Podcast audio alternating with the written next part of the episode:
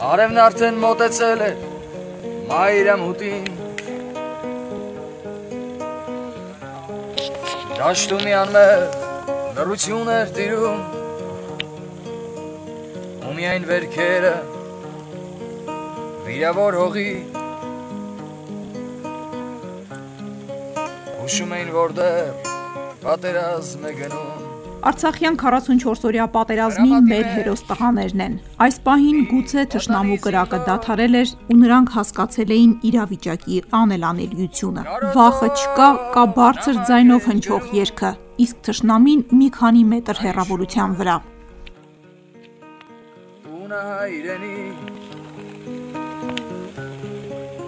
Զվարած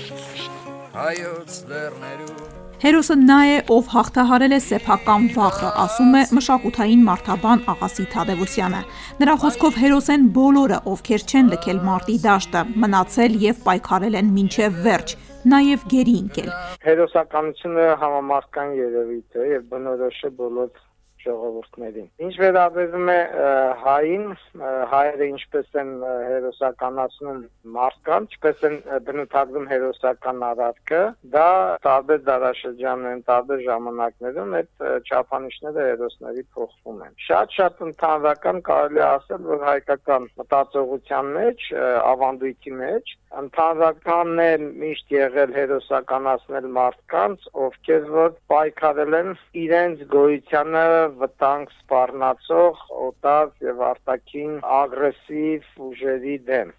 ովքեր որ արշավել են Հայաստան կամ հարձակվել են Հայաստանի վրա, փորձել են գրավել եւ այդտեղ հայտնվել են, ասենք, առանձնահատուկ վարկագիծ ցուցաբերող անհատներ, ովքեր որ տարբերվել են մյուսներից հայրենիքը պաշտպանելու այդ համար մղվող մարտերում,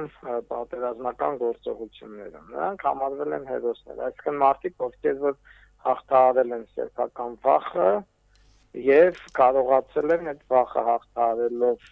իրականացնել մյուսներից տարբերվող խիզախ գործողություն, քանի որ հաճախ են ունեցել պաշտպանվելու անհրաժեշտություն, մեր հերոսները ավելի շատ դրանք երկիրը պաշտպանող հերոսներ են արտաքին ուժերից, քան ասենք հաղթանակների հերոսներ։ Չնայած մենք ունենք նաև հաղթական հերոսներ, որոնք որ պատմական այս կամ այն ժամանակաշրջանում իրեն շնորհիվ մենք հաղթանակ ենք տարել հա պատերազմում։ Ես նաև ասեմ անկեղծ, ես մենակ դրական բաներ չեմ ասելու, կարող է բացասական բաներ էլ ասեմ, որովհետև իմ կարծիքով մենք շատ սպառողական վերաբերմունք ունենք հերոսների հանդեպ որպես ազգ։ Եվ չարաշահում ենք մենք ընդհանրապես, եւ շատ դեպքերում մենք մեր անելիքները թողում ենք հերոսների վրա, ոնց որ եղավ այս պատերազմի ժամանակ։ Ասենք 30 տարի մենք որպես ազգ մեզ ոչնչով չզբաղվեցինք բանակ ստեղծելու, վերջում ուղարկեցինք երիտասարդներին պարզապես մահվան գիրկը եւ հիմա իրանց հերոսականացնում են եւ դա շատ բացասական երևույթ է։ Եթե մենք ուզում ենք, դուք ուզում եք, որ ես մենակ դրական բաներ ասեմ, ես դժվար թե մենակ դրական բաներ ասեմ։ Խոսեք, որքանով է այսօր փոխվել հերոսի ընկալումը 44 օրյա պատերազմից հետո։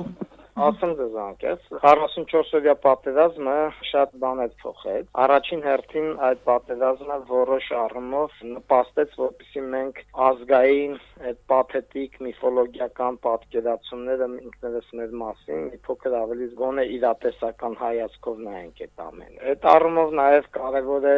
այն ինչ որ տեղի ունենում այդ հերոսականացման գործընթացում, թե ինչպես է հասարակությունը հերոսականացնում մարդկանց 44 օրյա պատերազմից հետո կարող ենք ասել, որ հերոսականացումը եւ հերոսները բավականին երիտասարդացել են։ Եթե առաջ հերոսականացնում էին առաջնորդներին, հա, ասենք մենք ունենք օրինակ ֆիդայական շրջանից եկող այդ հերոսական պատումներ, ավանդազրույցներ, ժողովրդական երգեր, բանահյուսություն ունենք, որտեղ հերոսները հիմնականում ներկայանում են այդ շարժումները ղեկավարած առաջնորդները, հա, ասենք զինվորական առաջնորդներ են, ռազմական առաջնորդներ, ինչպես ասենք օրինակ Անվանիկն է, Քերին է, կամ Գարեգին Մժդը, Չաուշը անդադ կարող ենք այս անունները թվարկել։ Այսինքն մարդիկ էին, ովքեր որ առաջնորդներ էին, բայց 44 օրյա պատերազմից հետո դուք չեք լսի որևէ առաջնորդ հերոսի անուն։ Մեկ եւ երկրորդը կարծեք թե հերոսականացումը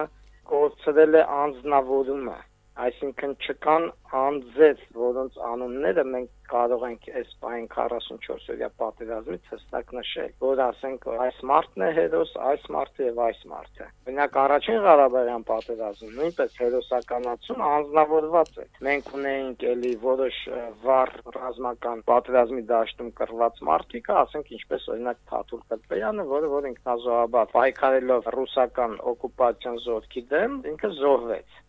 Այսինքն մենք տեսնում ենք էլի անձեր, ովքեր հերոսական արարք են արել եւ անզբաղված է հերոսականությունը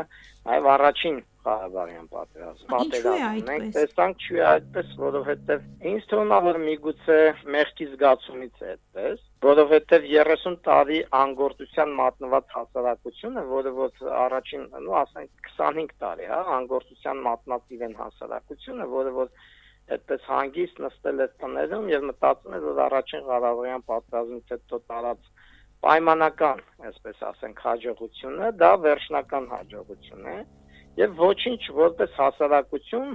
իր քաղաքական էլիտաներով հանդերձ մատը մատին չտվեց բանակ կառուցելու գործում բայց դրա փոխարեն զբաղված էր գլուխգովանությամբ որ մենք ունենք ռեգիոնի ամենալավ բանակը եւ այլ եւ այլ Այս ինքնախապեյությունը հանգեցրեց նրան, որ մենք կոչվեցինք մեր ամենաերիտասարդ տղաներին բանակային ծառայության առումով, այսինքն ոչ թե զոհվում էին ինչ որ կամավորները կամ մյուսները, այլ զոհվում էին 18-20 տարեկան երիտասարդները հիմնականում։ Եվ այս մեղքի զգացումը ենթագիտակցական կամ անգիտակցական կամ նույնիսկ գիտակցված, որ մարդիկ հասկանեն, որ այդ տղաները տղան այդ երեխաները նույնիսկ հա մենք իրենց երեխա են ունենք հա այդ երեխաները իրենք զոհվել են իրենց անգործության պատճառով եւ այդ մեղքի զգացումից իրենք այդ բոլորին անվանում են հերոս եթե մենք համեմատենք այդ այս պատերազմի բոլորին հերոս համարվող մեր տղաներին համեմատենք առաջին պատերազմի հետ ապա մենք տեսնենք որ այդ հերոսականացման մոտեցման մեջ շատ լուրջ բան է փոխվել։ Հենց փոխվել են, որ ոչ թե առանձին անհատներ են հերոսական, որտեղ առանձին անհատներ էս պատերազմում ըստ էության չեղան։ Եվ դրա համար էլ մենք պատերազմը տանուլ տվեցինք, այսինքն չեղան հերոս գեներալներ, գեներալները փախչել են պատերազմի դաշտից չեղան հերոս առաջնորդ հրամանատարներ, միգուցե եղել են լավ կրվող առաջնորդ հրամանատարներ, որոնք որ զինվորների հետ հավասար հավասարի պես կրվել են ու զոհվել են։ Այսինքն այստեղ բոլոր նրանք էին հերոս, ովքեր որ չէին փախնում պատերազմի դաշտից ու դիմադրում էին։ Այդ դիմադրող տղաները, ովքեր որ զոհվում էին, ովքեր որ զոհ էին պարզապես, մեր անգործության զոհն են դարձել իրենք ըստ էության, անմեղ զոհերը իդեպ, անգործության անմեղ զոհերը։ Այրանք հենց մեր հասարակությունը շատ ճիշտ էլ իրենց գնահատում է որպես հերոսներ, որովհետև անմեղ զոհը դա հերոս արխետիպային մտածողության մակարդակ, եթե ես որպես մշակութային մարդաբան ես խնդիրը ներկայացնեմ, ապա արխետիպային մտածողության մակարդակում անմեղ զոհը հերոս է։ Եվ դրա համար էլ մենք շատ արխետիպային մոտեցում ցուցաբերեցինք մեր զոհված երեխաներին։ Եվ իրենց անվանում ենք հերոս ու ճիշտ ենք անում, որ անվանում ենք։ Բոլորին ենք անվանում հերոս։ Նույնիսկ գերի ընկած վերադարձածին ենք ենք անվանում հերոս։ Որտեւ այդ երեխաներն էլ են անգործության պատճառով դժվել են ընկել են գերի եւ այդ մեղքի զգացումից մենք նրանց անվանում ենք էլի հերոսներ։ Որտեղ մենք մեղավոր ենք նրանց առջև։ Թե չէ եթե վերցնենք շատ դասական իմաստով հերոսականացման եւ հերոսների, ապա այդպես բոլորին հերոս անվանելու տեսանկյունից մենք միգուցե հաթաթ քննենք մեր տղաների արածքները, միգուցե մենք տեսնենք որ մի մասը պարզապես սովորական զինվոր է եղել, մյուսը միա պատահաբար զոհվել է թշնամու արկերից, մեկը այդ աթերսներ կոչված արկերի հարվածից։ Այսինքն շատ դեպքերում իրենք նույնիսկ չեն գիտակցել, որ հեսա կզոհվեն, այսինքն չեն դուրս եկել եւ վազել ճշնամու վրա ինչ որ մի գործողություն արել, ինչպես ասենք մենք պատկերացնում էինք դա, չգիտեմ, Հունան Ավետիսյանի դեպքում այդ այդ չէ, որ սովորացնում էին միշտ թե ինչպես է Հունան Ավետիսյանը կրսկով փակել ճշնամու այդ կրակի կետը, չէ՞ կամ ասենք մեր Ղարաբաղյան պատերազմի հերոսների պես անհատական վառ վարկագիծ չեն ցուցաբերել շատ ում որ մենք ասում ենք հերոս բայց իրենք մենք իրենց մենք անվանում ենք հերոս, որտեղ մենք հասկանում ենք, որ իրենք իրոք հերոսական արարք են գործել զուտ լինելով պատերազմի դաշտում։ Չգիտեմ, ես անկեղծ էլ դե բոլորս էլ մենք վերջի շրջանում պատերազմից հետո մտածում ենք այդ ցնցումը որ եղավ մեր հետ, փորձում ենք հասկանալ շատ երևույթներ։ Եվ դա իմ եւ անձնական կարծիքն է եւ մասնագիտական մտորումների արդյունքներն են փորձում ձեզ դիսել։ Հասկանալի է։ Շատ շնորհակալ եմ, մերսի։ Շնորհակալություն։ Եթե խնդրեմ ինչ որ դեր ես կարող եմ այս մեր հաղորդումը Դուք որտեղ կաք, ոնց կարող եմ ձեզ ուղարկել։ Facebook-ում հիմա ես ձեզ կամ կարող եք Facebook-ով Աղասի Թադևոսյան վտակ դերի անգլերենով։ Լատինատար։ Ով է հերոսը։ Այս հարցի շուրջ զրուցում ենք նաև գենետիկ Լևոն Եպիսկոպոսյանի հետ։ Ասում է, նրանք ովքեր չդարձան դասալիկ, հերոս են։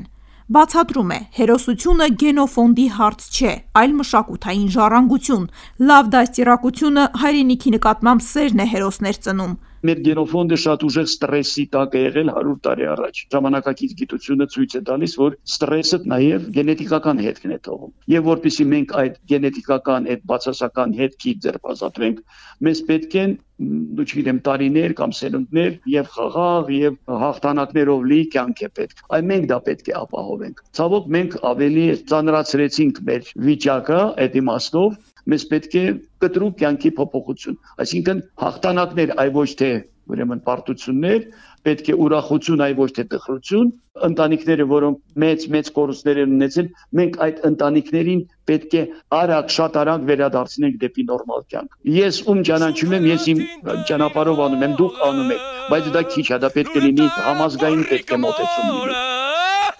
Կեցե հայոց կամավորը գինիլից, հանգել ջան գինիլից, խմողացան ուշանուշ, խմողացան ուշ։ Իսկ գենոմը ուժեղ սթրեսներից դուրս բերելու համար աշխատել է պետք։ Շենացնել գյուղերը, հողը մշակել։ Ելք է առաջարկում գենետիկ Լևոն Եպիսկոպոսյանը։ Հայրս մայրս ինձ սանեցին Երագույնով փաթաթեցին հայոց ազգին նվիրեցին գինիլից անգել ջան գինիլից խմողացան Ձեզ հետ Աննա Նազարյանն ու Վերկաց ոդքասթը խմողացան ու շանուշ թող հազարանուշ